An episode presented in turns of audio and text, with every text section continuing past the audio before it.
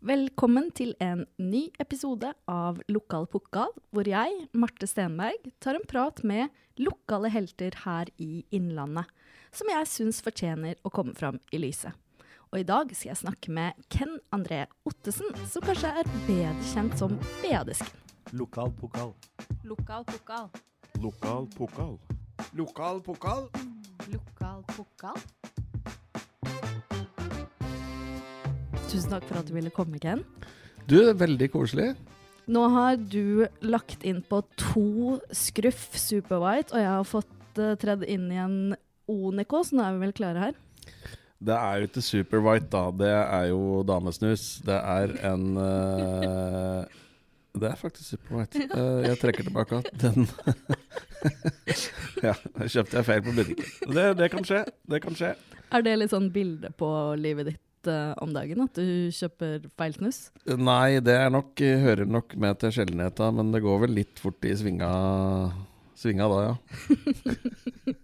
Du er journalist med bakgrunn fra både OA, Bergensavisa og VG. Ja men har for alvor blitt kjent med Instagram-kontoen BA-desken.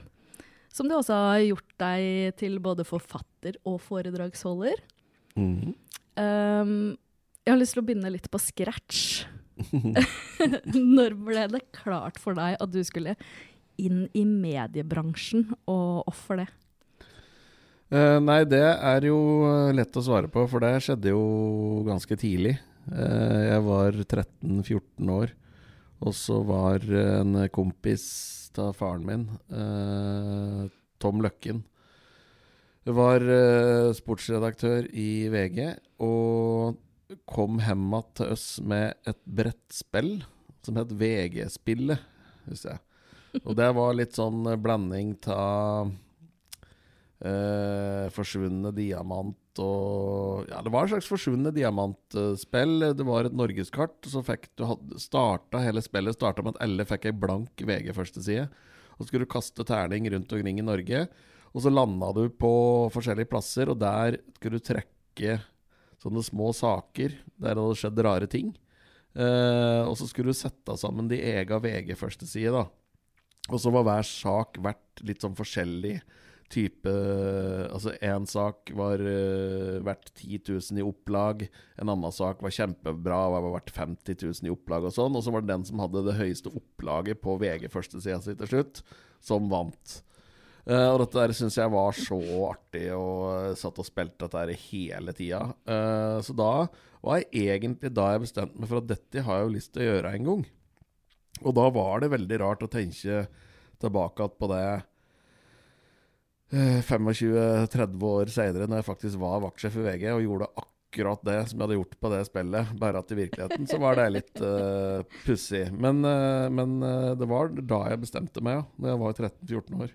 Men jobba du da liksom målretta mot det allerede i så ung alder, på en måte? Um, nei, det er vel å ta hardt i, uh, egentlig. Uh, da drev jeg jo både å kaste håndball og, og sparke fotball, og uh, var jo ikke helt fremmed for at det kunne være noe å drive med framover. Men jeg skjønte jo nok når jeg var noen sånn 17-18 år, at ja, hvis jeg legger alt jeg har i dette her, så kan jeg vel kanskje klare å spille meg inn til en plass på benken på A-laget på Raufoss, liksom. Men noe særlig mer enn det blir det ikke. Og da, eh, og da tenkte jeg at da, da gidder ikke jeg å kaste bort mer tid på det. Og så dro jeg rett ned på Oppland Arbeiderblad og prata med en var vel en Terje Paulsberg, tror jeg. Som, eh, og jeg sa jeg har lyst til å bli journalist. Og da sa han ja, det får vi se åssen det blir med. Og så fikk jeg prøve meg litt, og så gikk det fint. Og så endte jeg opp med fast jobb veldig tidlig. Jeg husker jeg hadde første vakta mi i russedress, i hvert fall. Ja. Ja, eh, Så det var liksom rett fra skolen. Det var ikke noen tanker om noe høyere utdanning her. Jeg sier i ettertid at jeg har forelest mer på universitetet enn jeg har gått der. Så ja, men det var jo litt sånn på den tida at det, det var jo egentlig en litt sånn saying at de beste journalista var jo liksom dem som bare starta. mm. Det er nok en myte som er starta av de journalister som bare starta. Men uh, det funker jo Det funka veldig bra for meg, og, og det er altså det er mange som er sånn. Altså, altså sjefen min eh, i, i, som var sjefen min da jeg slutta i VG nå, Gard Steiro, eh, han jobba jeg jo sammen med i BA. Og da var Gard uh, så vidt fylt 18, og jeg var vel litt over 20. Og det var jo ingen av oss som hadde noe utdannelse, og vi jobba jo døgnet rundt. Og, så det, det, og han er jo toppsjef i VG nå, så det funker jo. Uh, men det er nok Det skal nok stadig mer til for at det skal gå bra, liksom. Mm. Det kreves litt mer nå enn det gjorde da.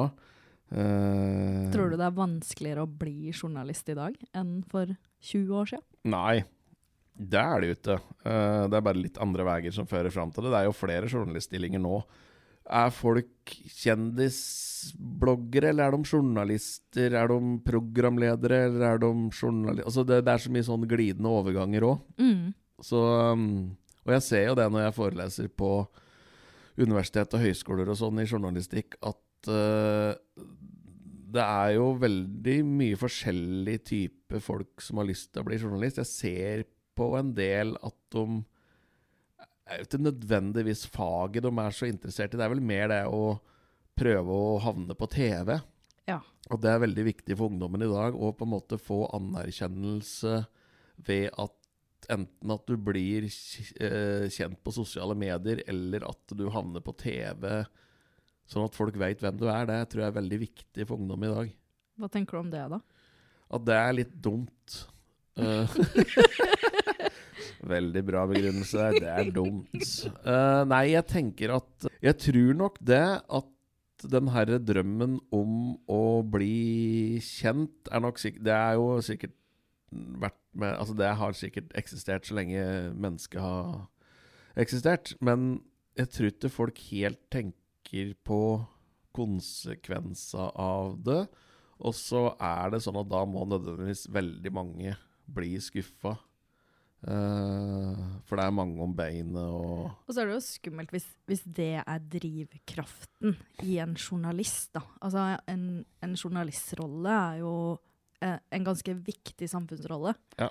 Eh, og hvis på en måte det som ligger bak det at man ønsker å være journalist, er at man skal være kjendis, så Men du ser jo ofte det at de, de mest kjente journalistene ender jo ofte opp som programledere eller uh, uh, talkshow-verter.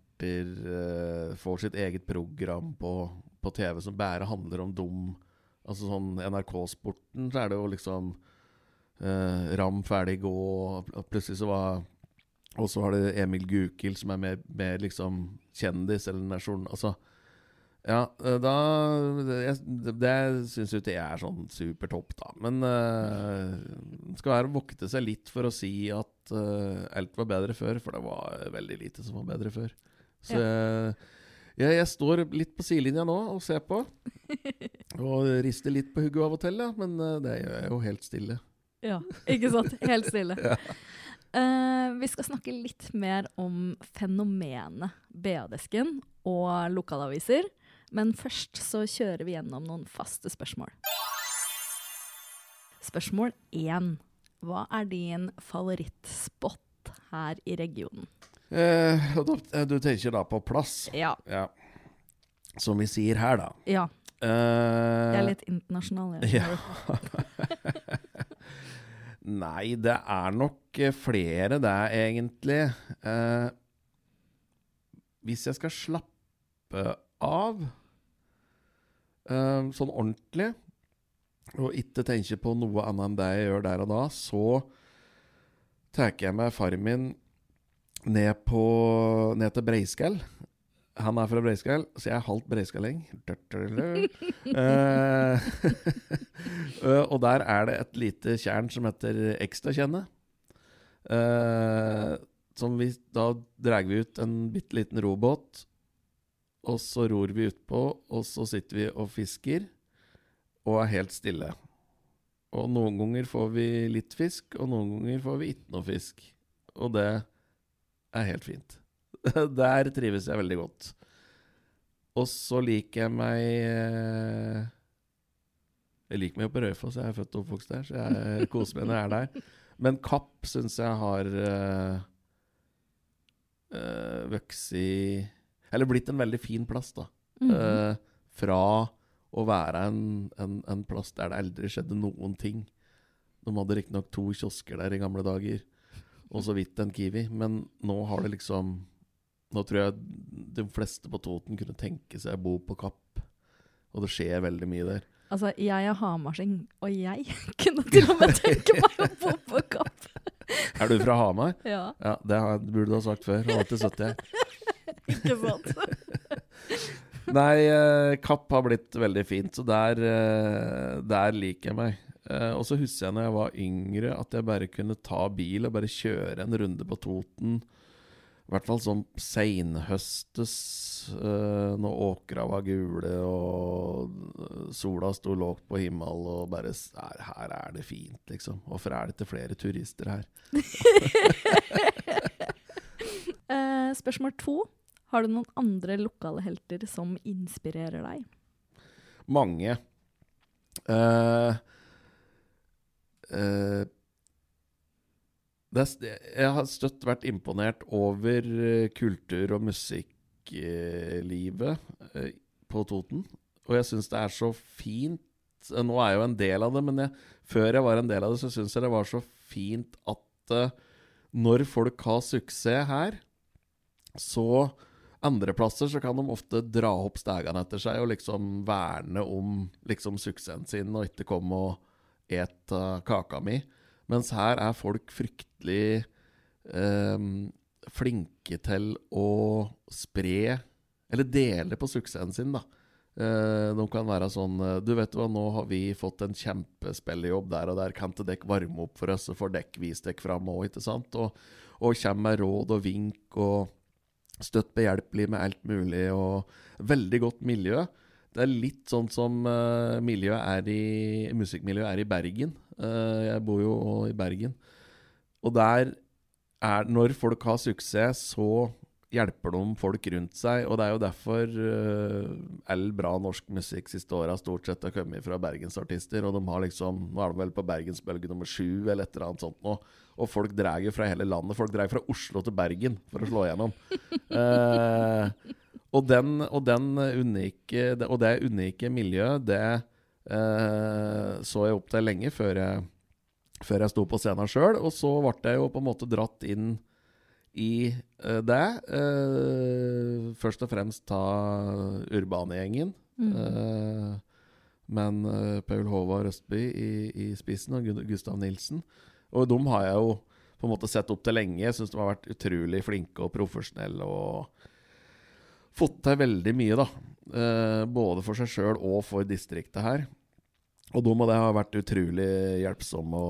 De får jo til og med hamarsinger til å komme hit. det er ganske utrolig. Og, og er jo sjølsagt inspirert fra gammelt av Vasselina. eh, og ikke minst Ronny Le Tekerø. Jeg vokste jo opp i, nesten i nabohuset til han. Og, så, og, det, og det er jo viktig òg for et distrikt og et sånn miljø å se at noen kan lykkes skikkelig. Eh, for TNT på den tida var jo Skulle jo bli et av verdens største eh, puddelrockband. Og, og det er viktig at folk ser i hvert fall den foreldregenerasjonen ser at jo da, det går an å livnære seg til å sitte og klunke på en gitar eller stå på scenen og være artig. Eh, det er faktisk en jobb. Eh, og, det, og det skjer jo hele tiden. Senest i går kveld så fikk jeg satt ute og åt sammen med, med teknikeren eh, eh, ute på eh, Lillehammer etter showet. Og så kom det bort noen folk og liksom ah, er det BDS? Ja, det er ja, Har du hatt show her i dag? Ja, ja. Er det dette du driver med nå, eller er dette jobben din, liksom? Uh, ja, det er jo det. Uh, for meg ja, og, og jeg, Men det blir litt sånn som hvis du bestiller en rørlegger, og han lig- ligger under vasken din og skrur, så skal du bøye den er er det dette du driver Er dette jobben din? Er det, er det dette du lever til nå, liksom? Ja, det er jo det. så, så det er eh, Det er litt som å bli arrestert av mor og far når du er 19 år og de mener du skal begynne å studere og, og Ja. få deg en ordentlig jobb. Ja. At folk liksom ikke Nei, går det an å livnære seg til dette her? Nei, det har jeg ikke noe tro på. Men det går fint, det, altså. Ja, det er veldig bra. Ok, spørsmål tre. Når gråt du sist? Eh, da jeg fant ut at du var fra Hamar Nei da. Nei ehm, Jeg er ikke noe Jeg griner veldig lite. Ja. Um, og ikke fordi at jeg er så tøff, tror jeg. Eh, Men jeg har ikke så veldig mye å grine for. Uh, det er litt Grining er litt som banning for meg, altså. Altså Hvis du banner for mye, så mister det liksom krafta si. Så jeg Mm. prøver å banne minst mulig.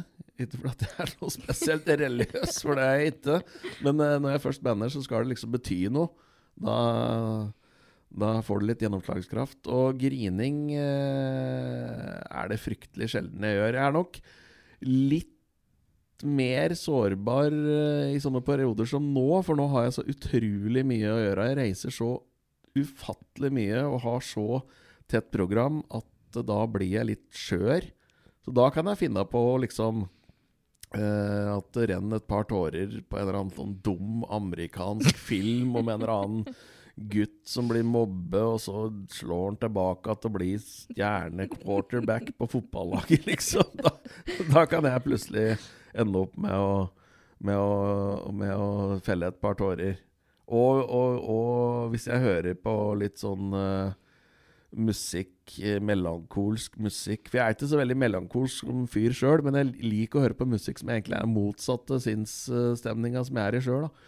og da kan, jeg, kan nok hende jeg kan felle ei tåre hvis jeg hører uh, Oskar Danielsson eller Torbjørn Dyrud, ikke minst. Eh, hvis de har noen tekster der du kinner deg litt att og sånn. Men eh, nei, jeg, eh, har ikke noe sånn derre Og da datt jeg ned på kne og grein. Så. Nei, jeg, jeg, det er veldig sjelden. Men er du, er du en følsom fyr, da? Eller har du litt sånn Er du veldig balansert i deg sjøl, på en måte? Jeg tror nok at jeg er nok mer balansert enn folk flest. Jeg har veldig lite oppturer og nedturer. Jeg har nok eh, inns... Eller tilpassa hjernen min til å være ganske flat. Mm.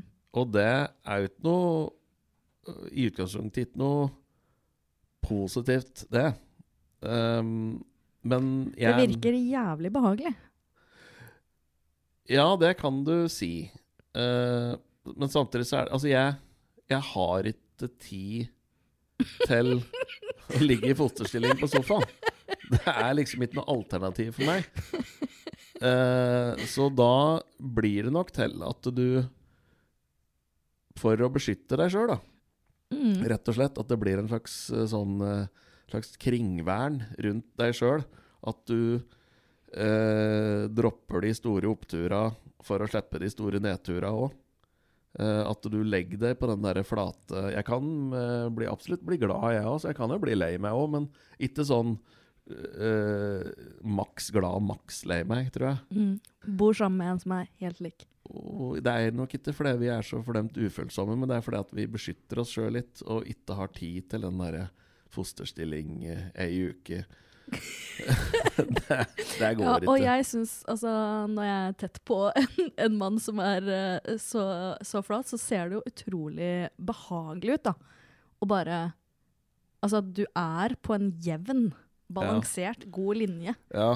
Mens jeg kan jo ha fem sinnsstemninger i løpet av en dag, liksom. Det er jo veldig, veldig jeg, Nå er jo jeg blitt uh, stor på Instagram, Mhm. og de fleste andre som er store på Instagram, de har jo et sammenbrudd en gang i uka, omtrent. Sitter og griner til følgerne sine, og i dag er det tungt, og, og så er det tusen hjerter og sånn. Og, og, og fint at folk kan prate om følelser, og, men jeg, jeg får nesten litt sånn følelsen av at, eh, at folk ikke tror på deg hvis du sier at det går fint. Mm. At du må liksom være litt skjør og ha et eller annet problem hvis du skal være troverdig, da. Mm. Men det går faktisk an. Det går an å gå gjennom livet og være stort sett knakende fornøyd uh, med åssen du har det. Det går an å gå sto, altså, Det går an å gå gjennom livet uh, uten noe særlig uh, problemer. Er fullt mulig. Eh, og det må vel egentlig være et mål, tenker jeg. At Men jeg tror det er lettere, da, hvis du har evnen til å nettopp på en måte være litt flat. ja, Det, det er veldig sånn motstridende hvis du er et enormt følelsesmenneske, da. ja, ja. Og så Jo, men det er jo altså, ikke få utløp for det, på en måte. Nei, men og det å liksom gå gjennom livet uten noe særlig friksjon, det, det er jo eh, Klart, en kan ikke bestemme det sjøl, men en kan i hvert fall legge til rette for det ved at en slutter å gruble så mye. Ja, og det tror jeg er lettere Ja, for mennesker som har den evnen til å faktisk ikke gruble, da. Altså, ja men det er jo høna og egget. ja. Det er jo sånn eh, Er du eh, Altså, på et eller annet tidspunkt så finner du ut at det å sitte og gruble le, leder jo bare til elendighet. For du, du kan ikke gruble deg inn i å endre mennesker tenker, eller Det veit du ikke, da må du bare spørre, da. Mm. Eh, og, og sånn, eh, sånn hvileløs grubling over Hvorfor sa dette der, og hvorfor skrev de om dette, og bla, bla, bla. Det er eh, bare tull. Da får, den bare, da får folk si ifra, eller så gjør nå jeg det jeg gjør. Jeg. Det er liksom Nei, nei jeg er uh, uh, ikke noe Utad, så, og, og egentlig innad, så er jeg ganske Nei, Det høres jo helt forferdelig ut å si at den er flat. Jeg er jo ikke flat, liksom. Men Altså, jeg syns det høres deilig ut. ja. ja, nei, jeg, jeg veit ikke. Og jeg, Det- og jeg det- tror mange faktisk kjenner seg igjen i å være ganske flate. Jeg, jeg har i hvert fall en del eh, venner og bekjente som Som jeg merker måtte dyrke litt det derre opp- og nedturer. De tror at uh, Presse det fram, liksom. Ja, for de tror at hvis jeg har en skikkelig nedtur nå, så kommer jeg til å få en skikkelig opptur etterpå, og da er jeg så kreativ og bla, bla, bla. Uh, men det er, jo, det er jo ikke sant. Du må jo ikke være helt munk i hugget ditt eh, for å være kreativ. Du må liksom ikke være innlagt i to uker og så være supergeni i to uker. Og det har jeg prøvd å si til folk. Altså, jeg har eh, Eh, jeg har laga mange, mange prisbelønte førstesider eh, i norske medier. Og det er jo ikke fordi at jeg har så djupe daler at det blir så høye topper. Eh, det er bare fordi at du jobber. Du setter deg ned og jobber. Det er liksom også Det er jo Kjenner jo mange forfattere, og, og, og, og de fleste av dem har jo skjønt at det å være forfatter, det er jo en jobb. Du må stå opp klokka åtte, og så må du begynne å skrive, og så er kanskje det første du skriver, bare noe drit. Uh, og kanskje du bare får skrive i fire linjer den dagen, men du må jo faktisk gjøre det. Gå ut og vente på Sitte på kaffe og drikke deg full og vente på noe inspirasjon. Det er bare tull. Bare tull. Begynne å jobbe. Herregud, går det ved Grünerløkka i Oslo og ser alle disse her arbeidsledige manusforfattere som sitter med Mac-en sin og skriver på TV-serier som aldri blir noe av. Åh, stakkars folk. Men uh, er det du sier òg at du uh, har møtt lite motgang i livet, eller? Ja, det tror jeg nok det er fair å si. Mm. Uh, det er, I Sammenligna med andre folk så har jeg nok ikke møtt veldig mye motgang. Og det er jeg jo oppmerksom på og takknemlig for. Og det er jo en blanding av hardt arbeid og flaks. Mm. Livet er jo mye flaks. Altså, hvorfor fikk du den jobben som leda til den jobben, som leda til den jobben?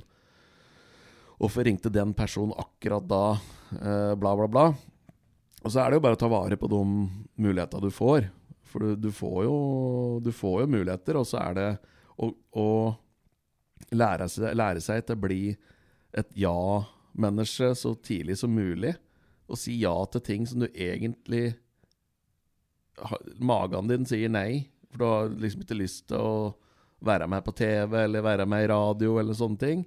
Og så, men så må du vri huet ditt og tenke men hallo, du må jo gjøre dette her. Det kan åpne mett av nye dører, det kan bli kjempemoro. Og så til slutt så sier du ja til alt mulig rart, og da dukker det opp eh, muligheter. Og så må folk være litt flinkere til å uh, en ting som i hvert fall jeg har vært helt bevisst på uh, hele min yrkeskarriere i begge leirer, både humor og journalistikk, er at uh, når du sier ja til en jobb, så må du vite åssen du kommer deg ut av den jobben. Altså, idet du sier ja, så må du òg planlegge når du skal si ha det. For hvis du ikke gjør det, så ender du bare opp med å bli sittende til du blir litt lei. Ja. Og så blir du litt sur. Og så blir du litt grinete. Og så blir du litt bitter. Og da får du deg i hvert fall ikke noe ny jobb, og da blir du i hvert fall sittende. Og så blir du sittende og sittende og sittende. Og plutselig så har du vært i den jobben i 15 år. Ja, plutselig har jeg vært i den jobben i 40 år. Ja. Og så var Det var livet, liksom. Mm. Og så har du i 30 siste åra egentlig ikke likt jobben din. Uh, så uh, hver gang jeg sier ja til noe, så vet jeg åssen jeg skal komme meg ut av det. Og det var jo litt av grunnen til at jeg bygde opp BAD-esken. Uh, og det har jeg brukt ufattelig mye tid på. Men det var jo min exit-strategi fra journalistikken. Eh, at da kunne jeg gi meg mens jeg var på topp. Og der alle syntes at jeg fortsatt var en ålreit fyr, og jeg syntes alle var ålreite folk. Eh, Så jeg ga meg før jeg ble sur og bitter og syntes at alt var bedre før. Jeg syns det er et veldig godt tips, jeg. Ja, igjen. Ja, øh, det er jo Jeg syns jo det. Eh, men det er avhengig jo av at folk klarer å tenke at Veldig sånn norsk tankegang er jo at vi er Vi får en jobb Eller vi tar, nå tar vi utdannelse. Gamle dager så tok vi bare en jobb. men øh, du tar deg utdannelse, og så får du deg en jobb. Og så tenker du at dette skal jeg jobbe med til jeg blir 70. Mens i andre land, i USA f.eks. Jeg er ikke så veldig glad i USA. Jeg syns ikke vi skal ta etter dem på så veldig mye, men akkurat på sånn Det at folk tenker at uh, det går jo an å ha flere jobber. Du kan jo være fl flink på flere ting. Uh, det er liksom sånn Jo Nesbø han var liksom spilte på Molde på fotball, og så danna han de derre, og så ble han Norges mest solgte forfatter. Altså, da er du flink på tre ting, da. Minst, ikke sant? Alle er jo flink på mer enn én ting. Mm. Så det er jo mulig å Og det tror jeg blir mer vanlig framover, at folk rett og slett bare skifter totalt bransje. Uh, men jeg jobba jo dobbelt i, i ja, sikkert ti år, da. Jobba både humor og journalistikk. Så jeg hadde én sånn seriøs jobb, å være vaktsjef i VG, og så hadde jeg en sånn tullejobb, på en måte, som var å reise rundt og tulle for folk. eh, og være artig på Instagram. Og, og, og, og der var det jo egentlig eh, Fredrik Skavlan som sa til meg at For han ringte og tilbød meg jobb ei uke etter at jeg hadde begynt i VG. Og så sa jeg at ja, men jeg har jo, nå har jeg jo jobb. Jeg jobber jo i VG. Ja, men da får du få deg to jobber, da, vet du. og så tenkte jeg på Ja, ja, det kan jeg jo. Det er jo ikke ulovlig, det. det er, er ja, men folk sitter Altså, jeg blir så lei av folk som sitter og klager år etter år etter år på jobben sin, og på lønna si, og på kollegaene sine, og de skjønner ingenting, og jeg har vært mye mer, og bla, bla, bla. Ja, men så gjør noe med det, da. Slutt å syte, liksom. Det er bare du, det er bare én som får gjort noe med det. Det er du. Enig. Ja. Nå ble jeg sint. ja, det var litt artig, det. Ken, nå skal jeg skryte litt av deg. Oi. Eh, jeg er skikkelig imponert over det du har fått til med BA-desken. Og jeg beundrer evnen du har til å ha det her skråblikket inn på oss eh, lokalaviser. Og i tillegg så syns jeg du er skikkelig modig som har turt å gå for det her. Slutte i jobben og bare kjøre 100% fullt på det du har tro på. Takk. Eh, det var jo ikke eh, Det var jo ikke så vanskelig. For jeg hadde jo Jeg tok jo permisjon fra VG i ti måneder for å se om dette her var mulig å få til, og det var det jo definitivt. Sånn at når jeg slutta i VG nå, så visste jeg jo at jeg ikke kom til å sulte i hjel. Så så modig var det jo ikke. Men jeg har jo jobba utrolig mye, mange gratis timer for å bygge opp den kontoen. Og det er jo mange måter å bygge seg opp på sosiale medier på. Én ting er jo på en måte å kle av seg og vise ræva si eh, tre ganger i døgnet, og det funker jo, det. Men ikke for meg hadde det gjort, kanskje. men men eh, jeg har jo hatt en sånn gradvis stigning hele tida. Sånn at de som følger BA-desken, det er ikke folk som liksom avfølger deg for ingenting, liksom. Så jeg har en ekstremt stabil fanskare på, på BA-desken som bare blir større og større og større og større. Men det handler jo mye om at du må skjønne Du må gi folk det folk vil ha, da. Altså, du, må være, du må finne din nisje, og så må du levere på den nisja. Og ikke begynne å tulle med noe annet. Men sitter du liksom Altså, hvor mye tid bruker du på å granske lokalaviser og legge det ut på Instagram? For jeg føler at du har noe ute hver dag, flere ganger om dagen. Ja, jeg ligger på en sånn fire, fem, seks poster om dagen. Det er Og- ganske heavy. Det er ganske heavy, men da må du jo huske på at jeg, altså, jeg får jo inn ja, mellom 500 og 1000 tips hver dag, da. Ja, ok. Uh, sånn at, uh, at jeg bruker fem, seks, sju timer på den kontoen hver dag, uh, det gjør jeg. Nesten skremmende å si, men det, det er en, bare den kontoen er en heldagsjobb. Og den er jo reklamefri, Mm, så jeg har ingen inntekter av den direkte. Så det er en arbeidsdag hver dag som egentlig er uten inntekt for deg, da. Mm, mm. Det er litt sjukt å tenke på. Ja, men, eh, men det må jo til. Altså, det er liksom navet i Navet i min karriere nå er jo den Instagram-kontoen. Så Og alt annet jeg gjør, springer jo egentlig ut ifra den. Mm. Så da må Så den må røktes og ta vares på og bygges opp og utvikles. Uh, hvis ikke så rakner jo Rakner imperiet.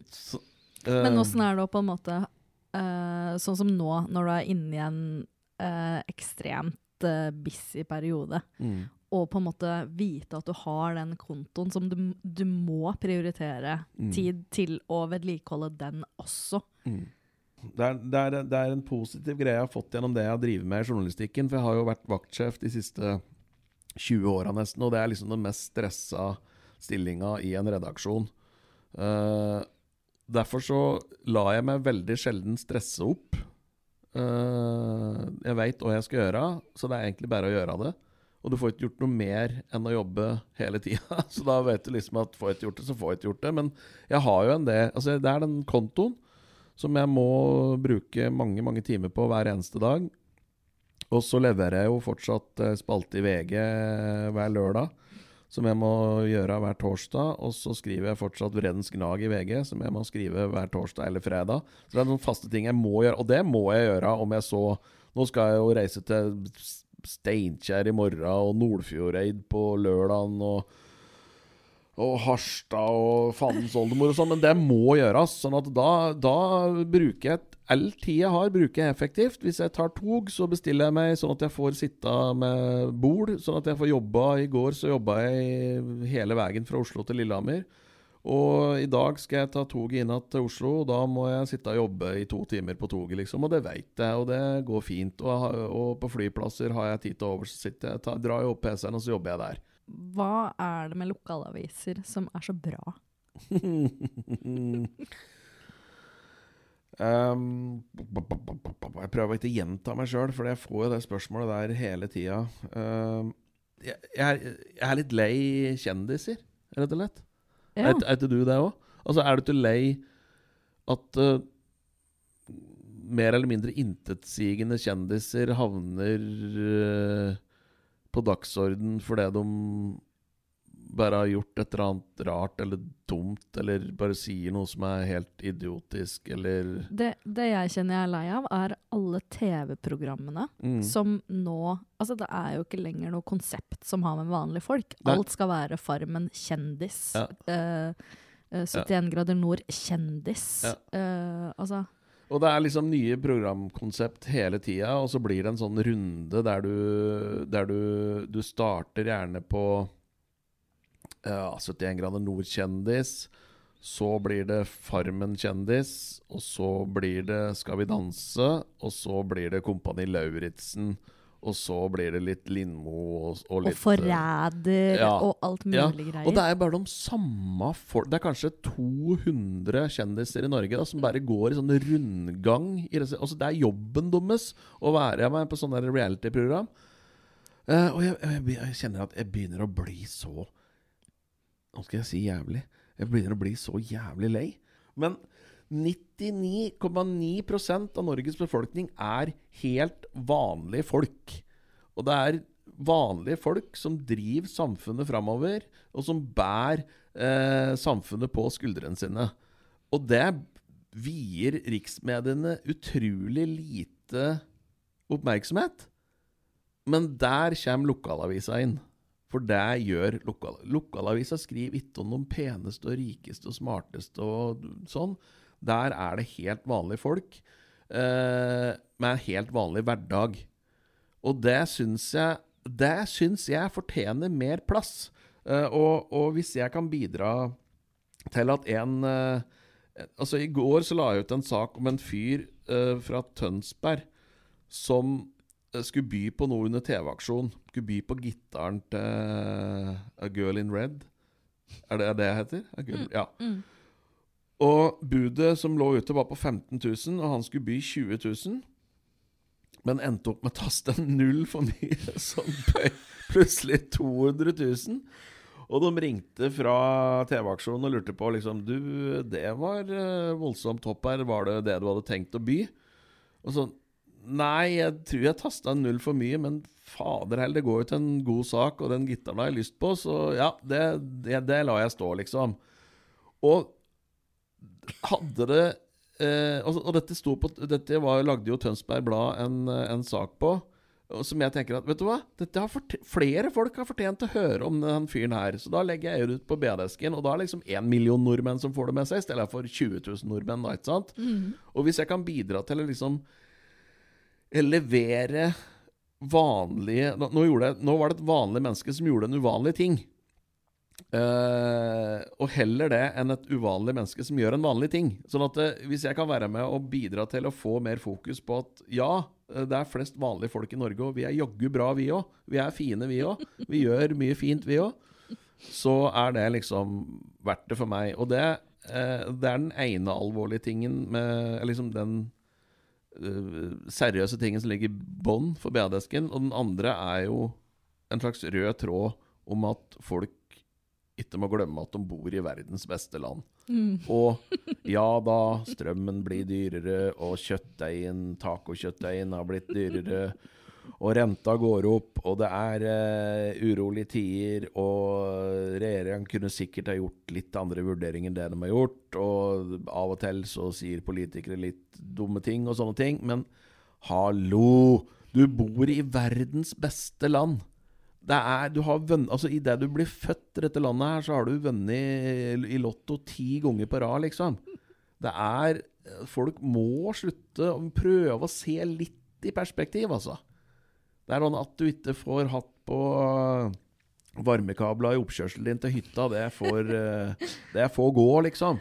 Hvorfor skal vi hele tida ha en økning i levestandarden vår? For det er, det som er, Hvis du kan bitte litt historie, i hvert fall økonomisk historie, så ser du at dette går i bølgedaler. Det går i motsatt av det jeg prøver å være. Det går opp og ned. Og eh, det er liksom ingen som setter seg ned og tenker over hvor utrolig heldige vi er når, vi går, når, når det liksom går bære oppover, som det har gjort i 15 år nå. Uh, men så fort det liksom er sånn Nå tror jeg kanskje vi skal drikke to champagneflasker i uka i stedet for tre. Da, der klikker det for folk. Da er politikere er idioter, og media ljug, og Nei, la oss få inn Trump, og det er, det er, det er så mye ko-ko, og jeg blir eh, Jeg prøver å liksom ikke engasjere meg så mye i det, for jeg har ikke tid til å sitte og diskutere med idioter hele dagen, men uh, av og til så ryker sikringa, da, og så blir jeg sittende i en eller annen sånn eh, kommentarfeltdiskusjon om uh, helt meningsløse ting, liksom. Men um, du er ikke redd for at uh, nå som du på en måte har valgt å satse på det her, da, at folk skal bli lei BA-desken? Ja, det er, jo en, eh, det er jo en fare, det. Det er jo ingenting som tyder på det så langt. Eh, Jeg prøver jo å se om det fins noen faresignaler og sånn, men jeg tenkte i hvert fall at hvis jeg, hvis jeg noen gang skal gjøre dette, her, så må jeg gjøre det nå. Eh, og så er det bare å gønne på til det ikke går lenger, og da finner jeg på noe annet. Åssen er hverdagen din nå? Nei, for å være helt ærlig, så ofte så våkner jeg opp og litt usikker på hvor jeg er.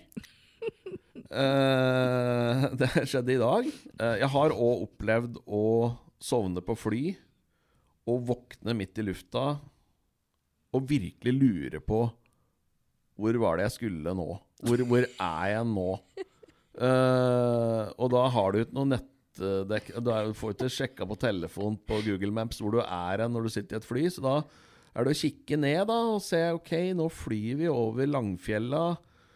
Men det er litt Der var det hav Skal vi se, da må vi være sør Ja, åh, Stavanger var det jeg skulle til nå. ja.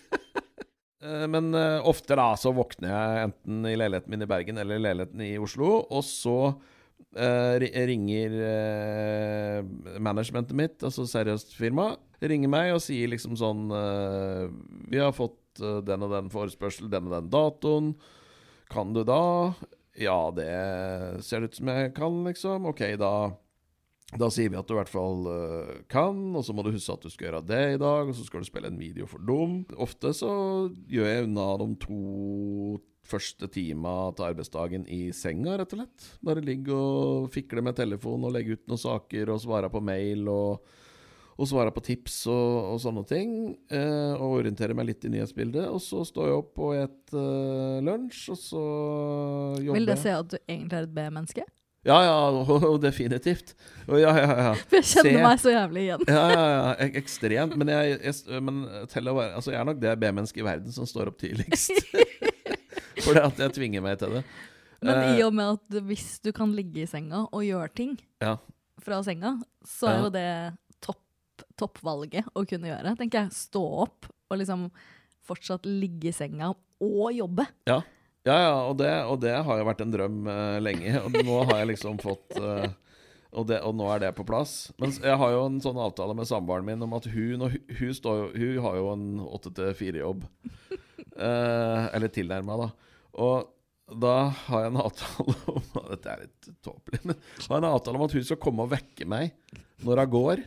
Og da er klokka litt før åtte. Og så sier jeg hei, hei, gratulerer, du har vunnet i sovelotteriet! og bare yeah! Og så bare legger jeg meg til å sove igjen.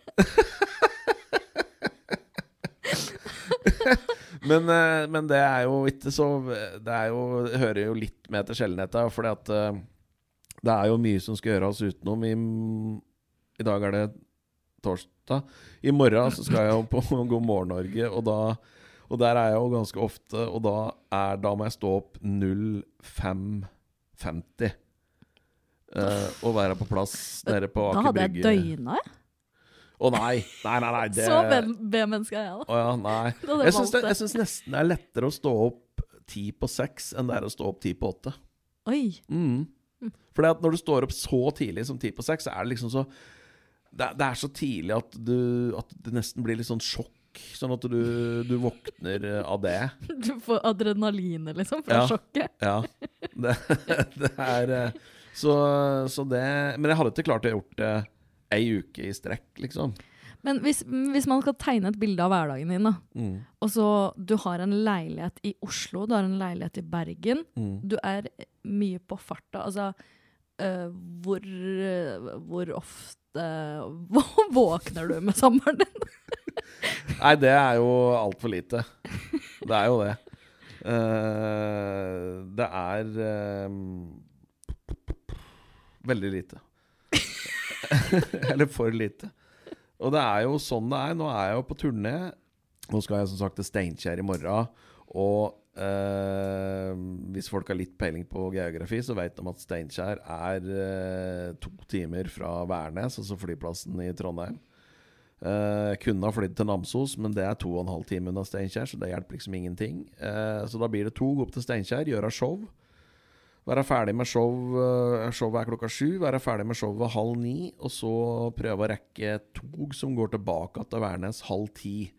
Og da er jeg vel på Værnes sånn halv tolv, og så er det å gå og legge seg på flyplasshotellet der. For dagen etterpå så skal jeg ha show i Nordfjordeid. Ja. Og det, hvis du ser på kartet, så er det litt sånn Ja ja, det ser jo sånn Det er ikke så langt fra Steinkjer fra- til Nordfjord, liksom. Jo, det er det! Og det er mett av fjellkjeder og fjorder og drit og lort, så da må jeg fly fra Trondheim tilbake til Oslo. Så må jeg sitte på Gardermoen i tre timer, og så må jeg fly til Sandane utafor Førde. Og så må jeg og det er ikke flybuss der, da. Så der må det ordnes med noe skyss bort til ferja. Og så må jeg ta ferje over fjorden, og så må jeg kjøre til Nordfjordeid.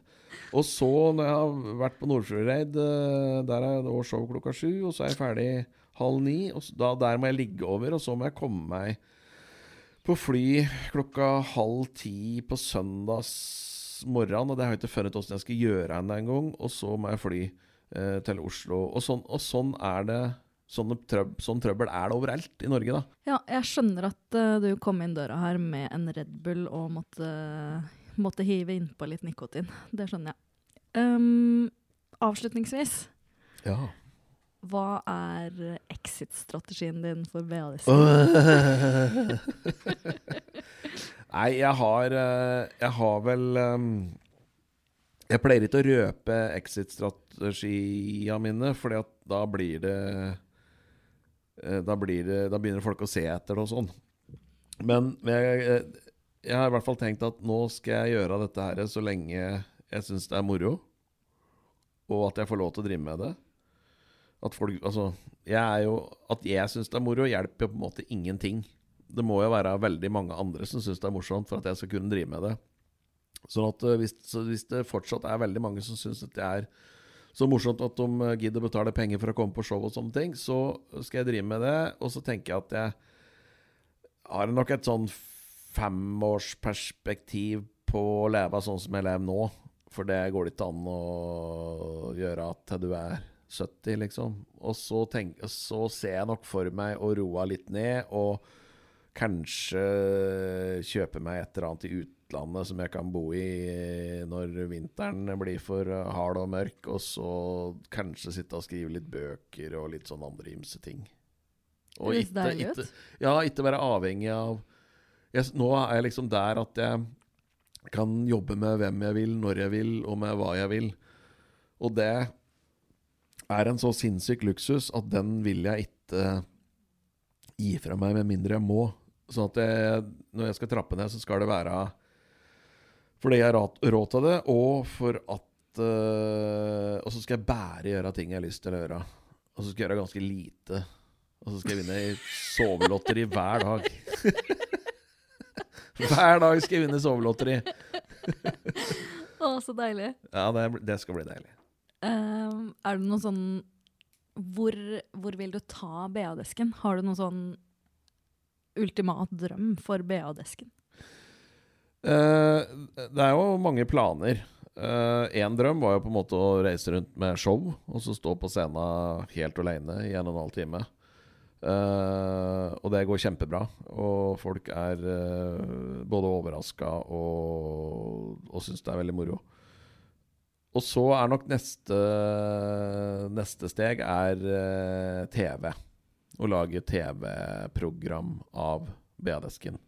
Og det har vi allerede spilt inn en pilot av, og, og det blir noe av. Eh, det vet jeg, men eh, er, vi må finne ut uh, hokken vi skal uh, lage det med, og hvor det skal sendes og sånne ting. Men at det blir noe av, det er jeg helt sikker på. Kult. Det gleder jeg meg til. Ja, det, det blir liksom det neste. Det blir en slags uh, blanding av der ingen skulle tro at noen kunne bo, og Norge Rundt. Han full, fulle fetteren til Norge Rundt.